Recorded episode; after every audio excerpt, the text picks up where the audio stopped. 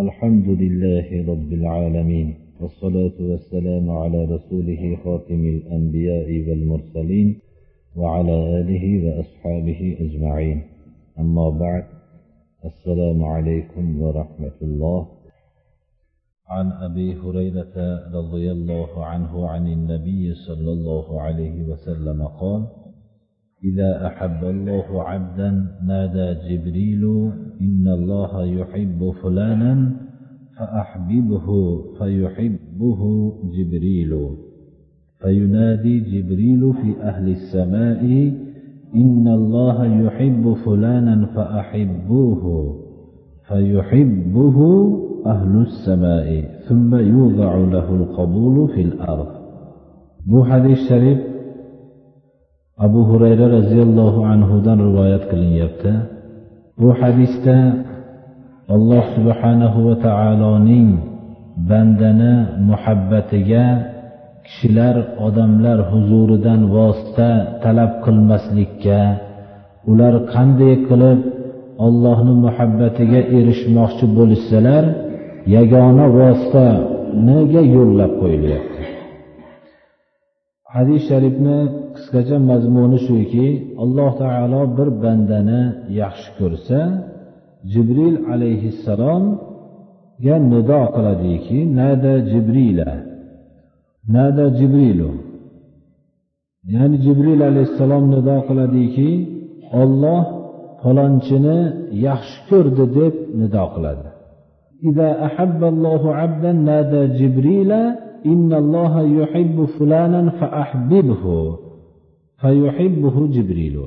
Olloh bir bandani yaxshi ko'rsa jibril alayhissalomga olloh nido qiladiki olloh falonchini yaxshi ko'r yaxshi ko'rdi siz ham yaxshi ko'ring deb jibril alayhissalomga olloh nido qiladi. Jibril alayhissalom yaxshi ko'radilar. Shundan keyin jibril alayhissalom koinot ahliga olloh falonchini yaxshi ko'rdi sizlar ham yaxshi ko'ringlar deb nido qilganlaridan keyin koinotdagi zotlar hammasi yaxshi ko'radi. Va shundan keyin yerda uning odamlar huzurida qabuliyat paydo bo'ladi. Odamlarning ham muhabbati paydo bo'ladi. Mana bu hadis sharifdan bizga ma'lum bo'ladiki odamlarni agar muhabbatiga sazovor bo'lmoqchi bo'lgan kishi ollohni rizosi uchun harakat qilmoqligi kerak. Ollohni rizosini topgandan keyin olloh uni yaxshi ko'radida keyin odamlar muhabbatiga sazovor bo'ladi. Bu hadisni boshqa imom muslim rivoyatlarida keltirilgan o'rinda ham yomon ko'rishlikni misoli ham xuddi shunga o'xshaydi deb qo'shimcha rivoyat ham kelgan ekan va ida abdan nada jibril alayhissalom inni ubghidu fulanan fa abghidhu فيبغضه جبريل قال قال فيبغضه جبريل ثم ينادي في أهل السماء إن الله يبغض فلانا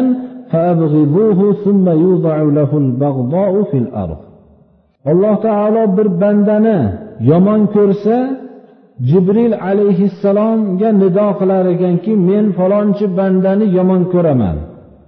Siz ham yomon ko'ring deb buyurar ekan. Jibril alayhissalom yomon ko'rar ekanlar. Shundan keyin koinot ahliga nido qilar ekanlar. Olloh falonchini yomon yomon ko'radi. Sizlar ham yomon ko'ringlar deb xitob qilganlaridan keyin yerda uni yomon ko'rish boshlanar ekan.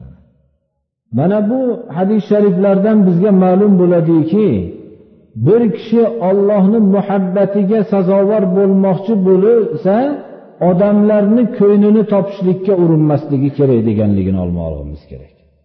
Ollohni rizosi qaysi amalda bo'lsa shu amalni qilishlikka harakat qilsa olloh uni yaxshi ko'rgandan keyin keyin yer ahillari uni yaxshi ko'radi.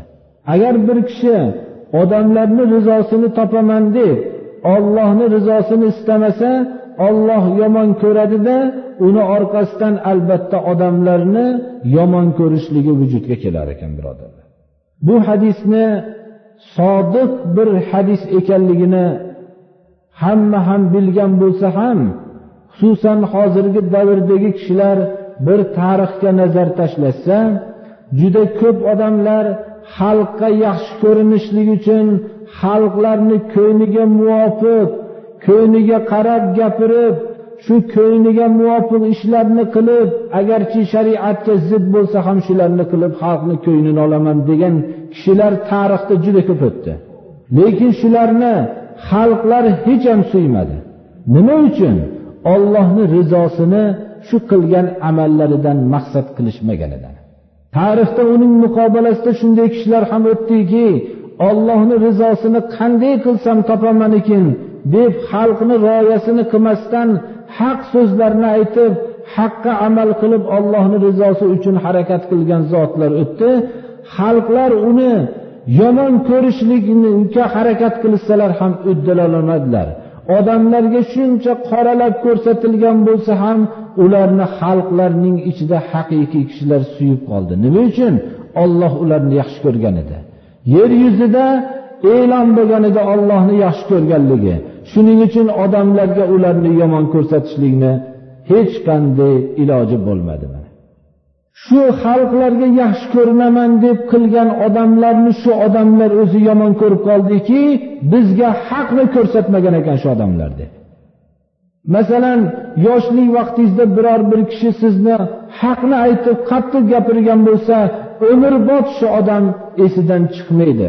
Mabodo esiga kelgan vaqtida doim esida ollohni rahmati bo'lsin biz shu odamni bilmagan ekanmiz shu odam bizga haqni aytgan ekan deydi.